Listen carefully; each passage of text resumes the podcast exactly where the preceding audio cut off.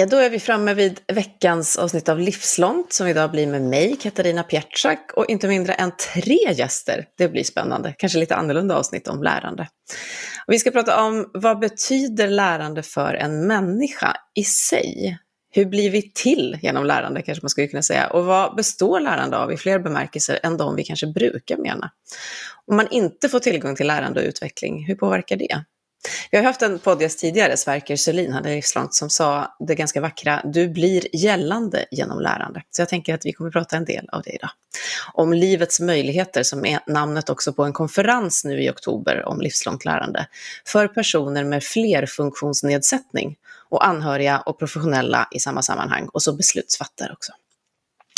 Och livslångt lärande här, det betyder ju allt lärande som syftar till att utveckla ny kunskap och nya erfarenheter och nya perspektiv. Livslångt, en podd om lärande.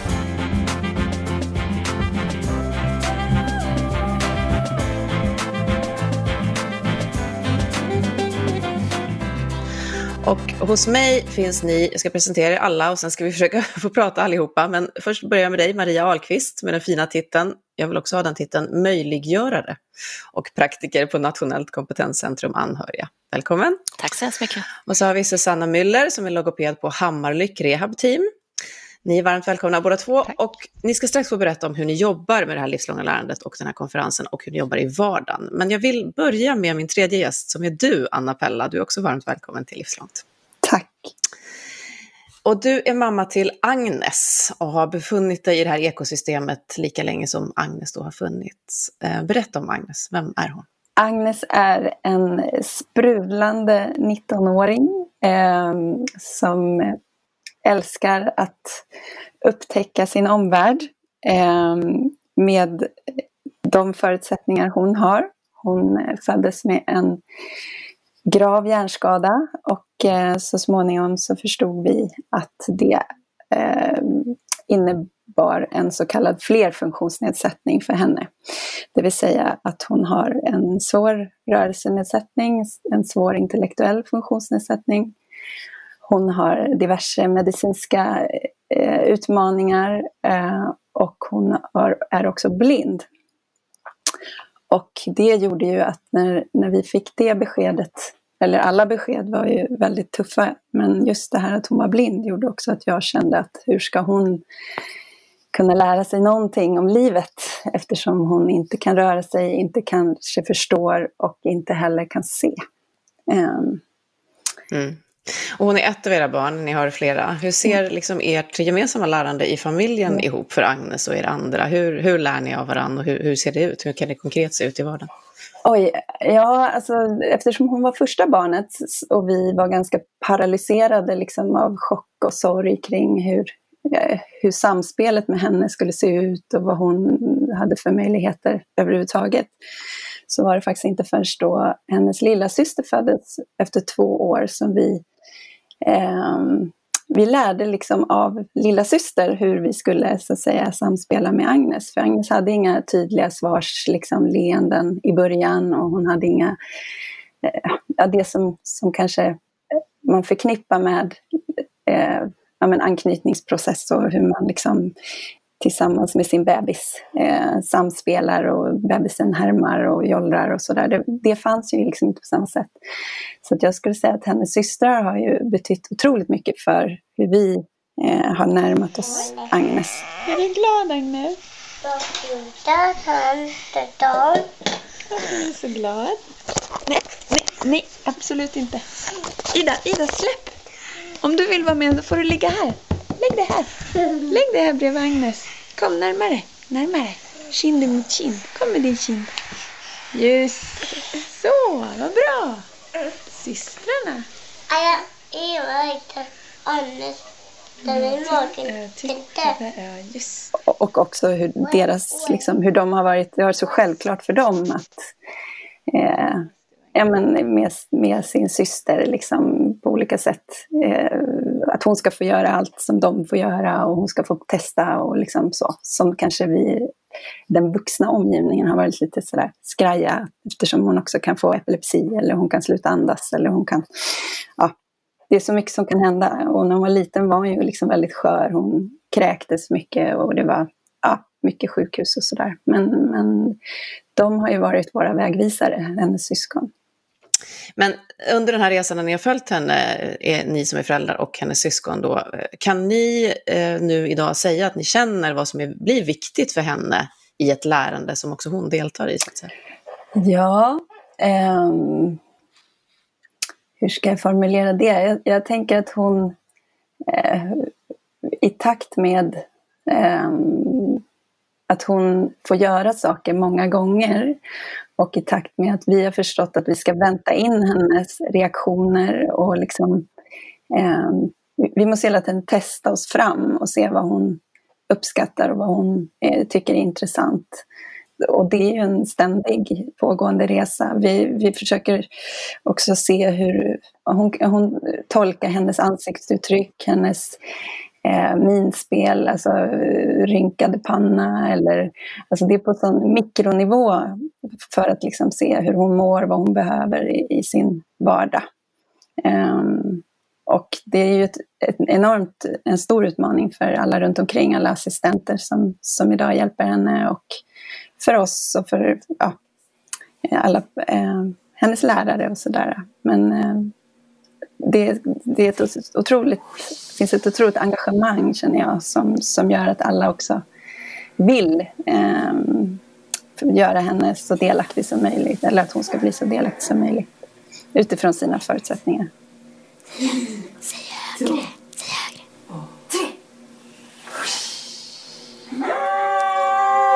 Mamma, gör något mer. Typ lyft henne. Ett, två, tre. Ja. Nu får du sätta dig i stol. Ja, men det är en ständig resa och tyvärr är det ju så att eftersom det är så mycket fysiska eh, bekymmer liksom, eh, längs vägen så är det ofta att det blir viktigt då att, eller då kommer hela tiden det eh, på något sätt först innan man kan börja tänka på liksom, de andra eh, viktiga sakerna i livet. Hur hon ska få göras delaktig, hur hon ska eh, ja, utvecklas på sitt sätt och sådär.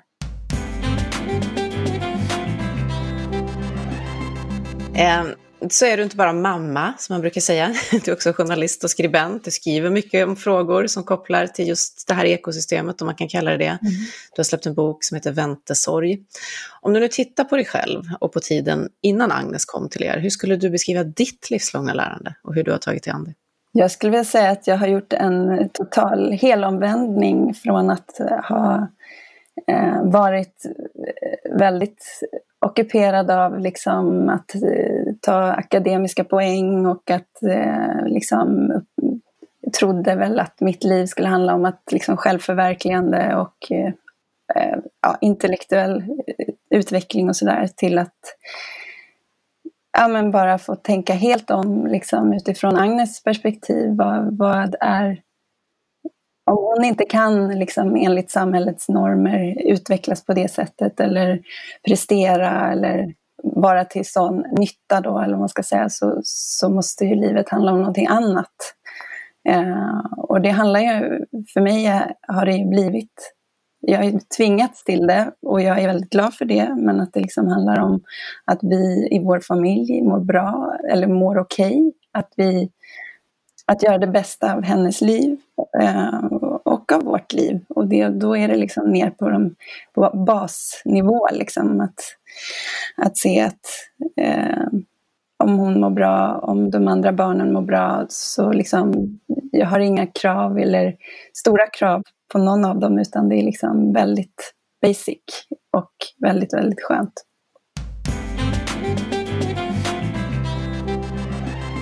Ja, det här är ju då en, en vardag och ett lärande och en situation som du delar med många andra föräldrar. Och det är ju bland annat det, och andra förstås anhöriga och personer runt en, ett barn med flerfunktionsnedsättning.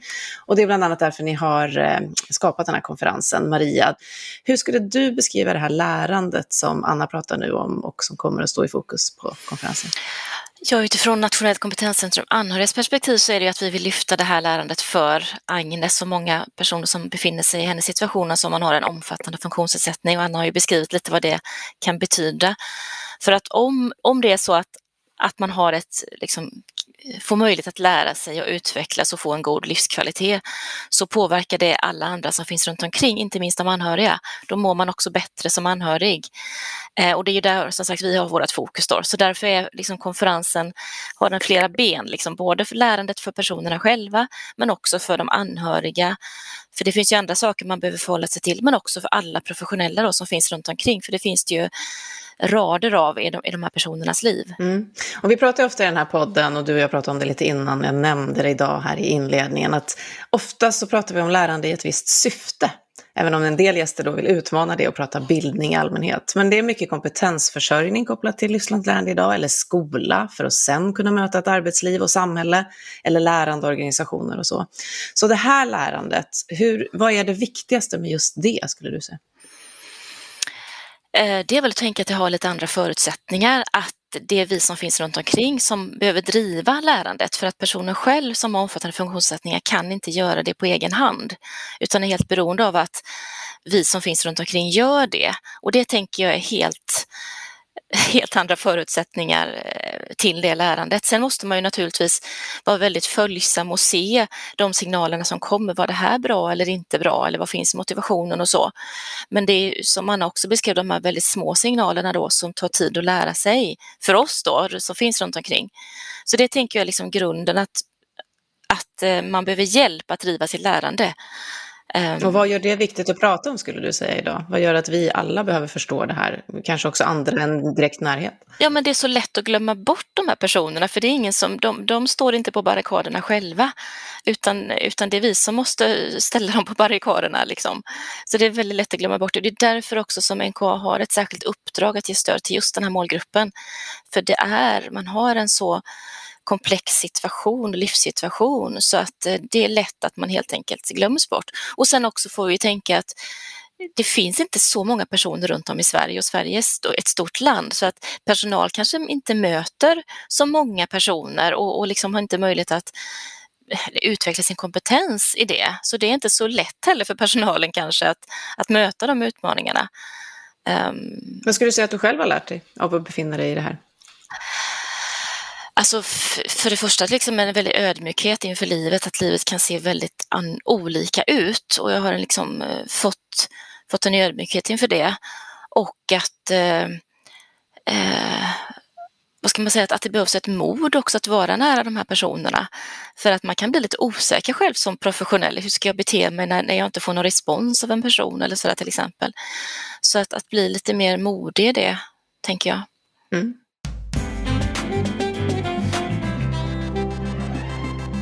Då är du inne på kommunikationsbiten då, som du Susanna Müller jobbar med eh, människor med flerfunktionsnedsättning och kommunikation som logoped. Och då har vi pratat här om att man måste hjälpa folk att driva sitt lärande och eh, man måste uppfatta signaler och sådär. Så hur kan du jobba med kommunikationen i den här situationen? Jag tycker det är så spännande för att säga först att höra både på Anna och Maria, för det beskriver ju mycket av det jobbet som jag gör och där jag befinner mig hela tiden också. Eh, men jag kanske då är den som hjälper till att kartlägga och strukturera och hitta de här kommunikativa signalerna tillsammans med nätverket. Eh, för i min roll som logoped skulle jag säga att jag är ingenting om inte jag har nätverket runt omkring de här personerna. Det är genom anhöriga, genom personal, genom de människorna som är absolut närmast som jag kan jobba. Eh, och det knyter också tillbaka till det Maria sa om att omgivningen är så viktig för lärandet när det gäller personer med flerfunktionsnedsättning. Och hur kan du då använda så att säga, det nätverket runt om? Vad, vad gör du för att kunna jobba med det? Ja, men dels handlar det om, tänker jag, att få tillbaka, Anna sa i början, att eh, det är svårt när man inte får de signalerna som man brukar kanske få från ett litet barn, när man inte får de där leendena att, att jobba med. Och det, det, vi behöver ju det för att, att fortsätta kommunicera och samspela. Då behöver vi få en respons. Och när vi inte får det så tappar vi tappar farten eh, och vet inte riktigt hur vi ska göra. Så att, man brukar prata om att man har en medfödd kurs. Vi vet hur vi ska kommunicera med små barn, men när vi inte får responsen tillbaka behöver vi hitta ett annat sätt och då behöver vi kanske använda oss av en medveten kurs. Och det jobbar jag mycket med. Alltså hur kan man bli medveten om hur man kan ge respons tillbaka på signalerna? Hur kan man ge extra tid att, att vänta och lyssna in, precis som, som du också sa Anna, att vi behöver stanna där och stanna kvar och vänta lite längre. Eh, och vi behöver ja, men, tolka och bekräfta och finnas väldigt, väldigt närvarande. Och det behöver många gånger nätverket och omgivningen hjälp och stöd med för att orka hålla i och komma vidare. Jag tänker att du, du beskriver till exempel, och Maria, du nämnde också motivation. Du beskriver saker som vi annars väldigt lätt tar för givet att vi bara gör. Och vi sitter här och tittar på varandra och vi nickar och vi ger varandra respons och vi hejar på och vi berömmer och vi bekräftar och vad vi nu håller på med i våra liv när det handlar om att kommunicera och därmed lära. Och då tänker jag att det här kanske blir extra tydligt, fick jag en bild av, att, eh, att det är någonting som vi alla skulle kunna tänka ännu mer på, även om vi inte har ett, ett barn med flerfunktionsnedsättning i vår närhet. Absolut, och motivationen tänker jag är ju allt för lärandet. Och ännu mer kanske här, och att hitta den motivationen. För det kanske inte alltid är det lätta för oss. Att förstå i vilka situationer vi kan lära. Eh, och, och, vart vi hittar den motivationen och att det också handlar om att göra om och om och om igen. Mm. Eh, att lärandet är liksom det repetitiva på något sätt, att vi, liksom, vi upprepar och vi får möta lärandet igen. Då har jag hört dig, Anna, till exempel sjunga med Agnes samma sång om och om, och om igen i en repetition. Hur skulle du säga att du ser behovet av just den här typen av kommunikation med, med Agnes? Ja, nej men det, det är liksom en, det enda sättet att, att nå, att för henne att liksom nå ut och för oss att nå in. Så att eh, när Agnes var liten så fick vi då eh, hjälp av logopeder och specialpedagoger att liksom försöka se eh, som, som liksom det första vi kunde göra, det var att hitta saker som hon tyckte om och sen avbryta mitt i det hon tyckte om. Det kändes ju inte så, så roligt, men, men det gjorde också att då kunde vi få henne att visa förväntan och visa att hon ville göra saker mera. Så till exempel så eh, tyckte hon väldigt mycket om att gunga. Och då när vi gungade henne så stannade vi liksom mitt i en rörelse och så frågade vi henne om hon ville gunga igen. Och ibland fick vi vänta i nästan tio sekunder innan vi såg någon slags reaktion hos henne. Och ibland fick vi ingen reaktion och då fick vi sluta med det vi gjorde. Ehm. Hej Agnes, hej Agnes, hur mår du idag?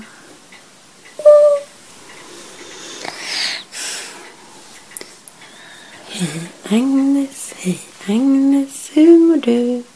Hur mår du? Hej Agnes, hej Agnes, hur mår du idag?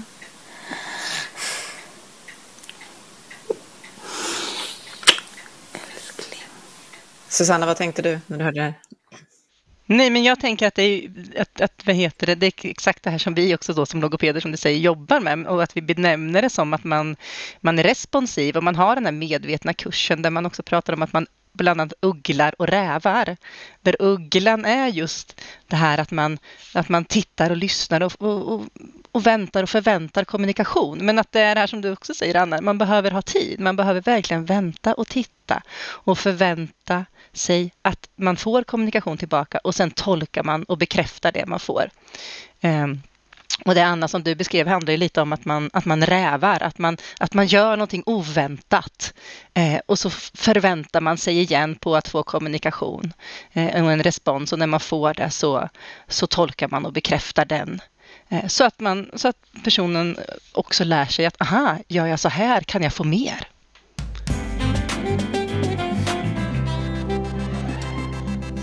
Och att eh, vara nyfiken på att det här sättet att ta sig an och tänka på lärande som en avgörande faktor för att bli människa. Jag har ju funderat mycket på det i andra sammanhang och som jag sa, att göra sig gällande genom lärande, att visa att man är delaktig som ni har pratat om också.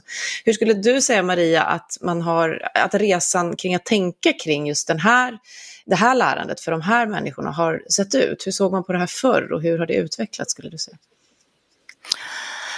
Ja, men för, alltså för inte så lång tid sedan så, så, så, blev inte de här personerna, kom de inte upp i vuxenlivet, utan eh, men tack vare medicinska framsteg och att vi vet hur vi ska ta hand om de här personerna bättre så, så når man vuxenlivet idag i allt större utsträckning. Eh, men då måste också hela samhället hänga med på det att man liksom behöver organisera vuxenvården och, och det som finns, boende och daglig verksamhet och, och aktiviteter och sånt, fritidsverksamheter för den här, de här personerna på ett vuxet sätt också då. Och där tänker jag att man inte riktigt, ja vi, vi är väl på god väg tänker jag, men, men det har man inte riktigt kanske hängt med på. Så att säga. Så, och, och sen är det så här också att för inte så hemskt länge sedan heller så tänkte man ju att de här personerna de är inte bildbara, jag tror att det till och med hette så att man inte var bildning bildningsbar. Um, ehm, uh, eh, och det, ju, det, vet vi ju att man är utifrån sina förutsättningar. Men, men, jag vill också ta upp ett annat perspektiv och det är ju lärandet för de anhöriga. Antingen föräldrar som Anna är eller syskon eller mor och farföräldrar eller vänner till familjen, grannar, eh, kamrater till syskonen. Det finns ju väldigt många i det här systemet runt omkring som är, ja, som är anhöriga. Och det här tänker jag också att det är ett lärande, om man ska välja att använda det ordet så att säga, hur man liksom förhåller sig till den situationen. För det är inte så himla enkelt att liksom bara hamna i den situationen. Att, eh, för det är ju ganska svåra livssituationer många familjer ställs inför som man kanske aldrig har varit van vid tidigare. Eh, så det är också någonting som konferensen kommer att liksom ta upp. Och där kommer vi ha många anhöriga själva som kommer att berätta hur var det för mig? Och hur har jag utvecklats i detta? Och, och liksom, vilket förhållningssätt har jag kunnat ta för att fixa mitt liv bättre och kunna se att Eh, att, det ska bli möjligt för oss att, att leva ett gott liv, liksom, trots stora svårigheter. Och att samlas då som ni gör då 24-25 oktober i år för att prata om det här, vad, vad, betyder det för hela systemet runt om i det här lärandet? För att knyta an till det Maria sa, så, så för mig är den här konferensen oerhört viktig för att de första åren i Agnes liv så fanns det inte ens något begrepp eller samlingsnamn som, som jag kunde hitta som passade på henne. Och det gjorde också att det saknades, jag, jag visste inte var jag skulle leta någonstans efter information och kunskap eh, och vilka förväntningar jag kunde ha framåt. Eh, så det var också svårt att hitta andra i liknande situation och det är ju tack vare den resan att få möta andra, både anhöriga, familjer, men också de som jobbar med, med barn och unga som, och vuxna som Agnes, att, att få lära sig av dem. Um, och eftersom det är en så pass liten grupp ändå, um, uh, som har alla de här, de här absolut liksom mest komplexa typer av funktionsnedsättning, så, så betyder det jättemycket att samlas och ha under ett par dagar och liksom ha, träffa andra.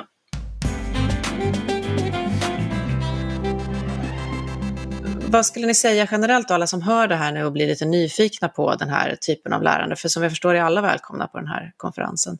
Vad är det man kan få med sig om man går på den eh, därifrån?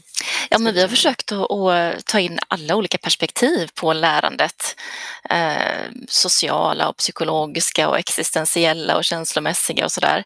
Så vi tänker väl att, att det kan intressera väldigt många och programmet är dels har vi ett huvudprogram men sen har vi massor med parallella seminarier eh, som där, där Susanna ska berätta till exempel om kommunikativa signaler, du ska prata med en, en, en förälder. Mm. Um, och sen har vi mycket liksom, um, om skolan som plats för, för lärandet. Um, men också hur fritiden kan eh, organiseras och inte minst det medicinska då, men som sagt också det här även för anhöriga. Eh, syskon har vi många föreläsningar kring, hur syskon påverkas och Eh, och där kommer vi också att få lite mm, scener uppspelade från en teaterpjäs som heter Funkisfamiljen som Anna Pelle har skrivit manus till utifrån hennes böcker. Så det ska bli väldigt roligt. Eh, som har ett tydligt syskonperspektiv. Ehm, så det kommer man också kunna få se. Och sen så kan jag väl säga att vi, vi kommer vara på plats, men om man vill delta digitalt så går det jättebra också. Då är det lite billigare naturligtvis. Men det här är ju mycket också att träffa utställare, prata med varandra um, och uh, nätverka och träffa nya intressanta personer och diskutera lärandet utifrån massa olika perspektiv. Så. Hur hoppas ni att det här kan utveckla hela synen på livslångt lärande som Anna var inne på? Att vi kanske har en syn på prestation och karriär och att vi har en bild av vad, vad det här lärandet ska, ska leda till. Och här talar vi om lite något annat. Vad hoppas ni att det kan leda till? Men jag tänker så spontant att, att man får lära hela livet, att det här också är individer som faktiskt har möjlighet att fortsätta att lära. För ibland tycker jag att man stannar vid på något sätt skolan och sen hamnar man på kanske någon daglig verksamhet eller boende, men att, att lärandet faktiskt även för de här personerna pågår i hela livet. Eh, men att man som sagt, som jag sagt, att man behöver omgivningen mm. eh, för det fortsatta lärandet. Så det tycker väl jag är jätteviktigt. Och vad gör det så viktigt att det pågår hela livet, skulle du säga? Nej, men, eh, men, men eh, jag, jag, eller vad, det är självklart att vi ska få fortsätta att lära. Eh, och så är det för alla människor, att det inte tar stopp för lärandet. Jag tänker det är för hela utvecklingen, för ens i, i, att må bra, att få, få finnas till och ha en meningsfull vardag. Eh, och att få utvecklas gör ju att, alltså att lära och utvecklas vidare gör ju att vi mår bra. Vad säger du Maria, vad hoppas du om utvecklingen?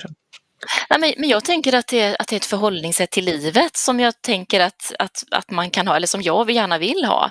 Att, att vara nyfiken, att vara öppen och om vi nog kallar det lärande eller utveckling eller jag vet inte, men i alla fall att det, det hoppas jag att, att man inte slutar med att göra och om man vill arbeta med personer med omfattande funktionsnedsättningar då, då behöver man ha ett öppet sinnelag. Um, helt enkelt. Och, och, som person också, som privatperson, så tänker jag att det är väl ett jättefint förhållningssätt att ha i livet och, och vara öppen och se vad kan den här dagen lära mig? Um, och, de, de möten jag har idag eller de samtalen eller det jag får med om idag. Så det är väldigt universellt, tänker jag.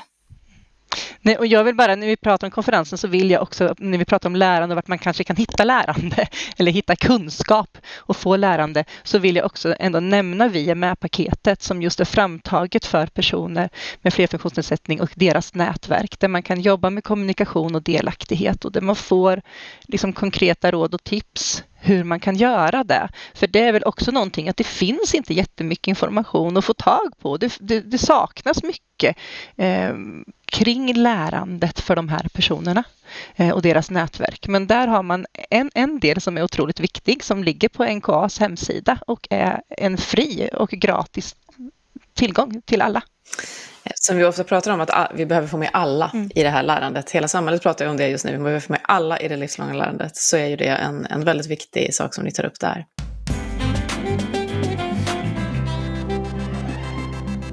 det finns väldigt många personer runt omkring oss som har olika svårigheter liksom, och att vi behöver bli bättre på att uppmärksamma det.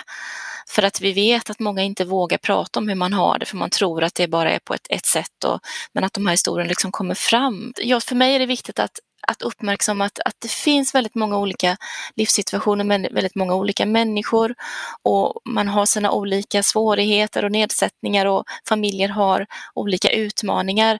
För mig är det viktigt att lyfta det så att man kan känna att det här kan jag prata om. För jag möter många föräldrar som säger, nästan det första de säger, vi känner oss så ensamma. Och så vet vi att man är inte ensam, men känslan är att man är ensam för att man vill inte prata om det här, för man tycker att jag kan inte prata med mina grannar eller arbetskamrater, för där pratar man bara om att man ska åka till fjällen eller att man ska åka på semester hitan och ditan. Och liksom, de kan, kan inte förstå min situation.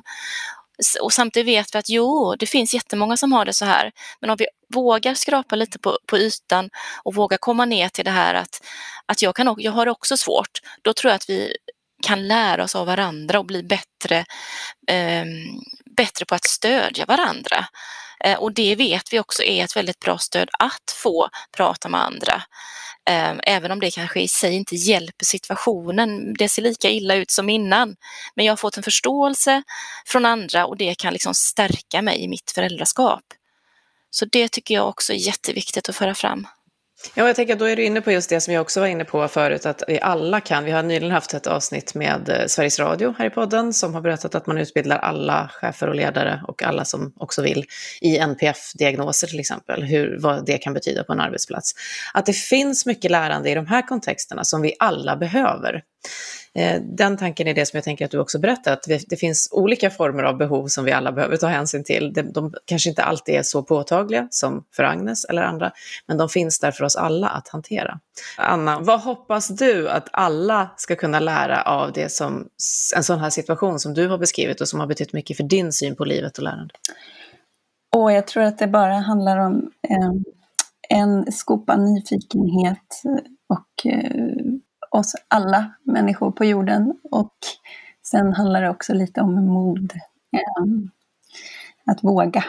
Ehm, eller när ni pratade om ehm, det här att alla behöver kunna allt, så är det vårat, vår allra största eh, drivkraft, liksom, att alla runt Agnes måste veta allt. För att vi föräldrar kan inte vara vid hennes sida eh, 24 timmar om dygnet i varje andetag. Utan, så det är vår stora utmaning, att de som är närmast Agnes, alltså assistenter och andra skolpersonal och så, att de hela tiden eh, lär nytt. För att om man inte har träffat Agnes på en vecka så, så behöver man liksom läsa vad som har hänt, man behöver veta hur hon har mått. Eh, eh, man behöver liksom nästan timme för timme veta hur, hur liksom den senaste tiden har varit för att kunna möta hennes behov här och nu. Och vad består det där modet du nämner av? Vad är det man behöver våga?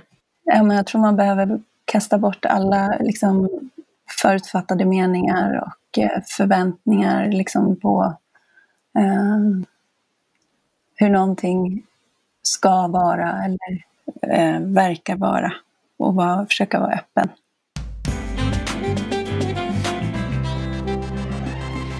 Jag hörde om en annan familj där assistenten till, till det barnet hade fått frågan om hon inte skulle plugga vidare och eh, då hade hon svarat att flickan hon jobbade med var hennes universitet. Och det är lite så jag känner också att Agnes är mitt universitet.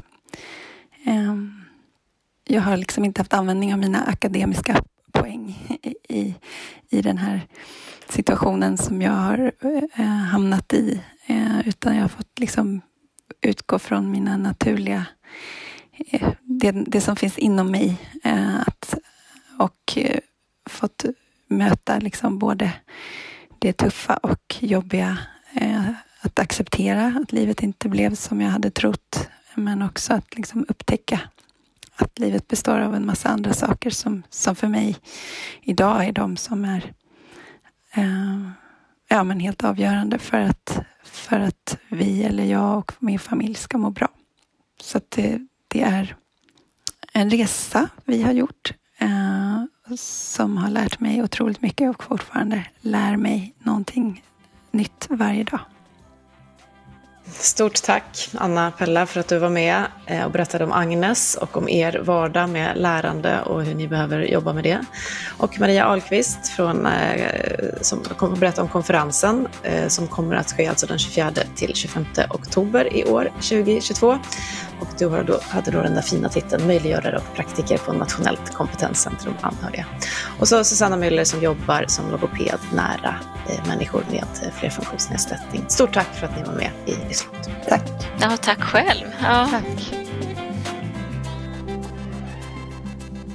Du har just hört Livslångt, en podd från RISE om allt det där man lär sig i livet. Vi hörs om en vecka igen. Hej då. Hej då. Hej då.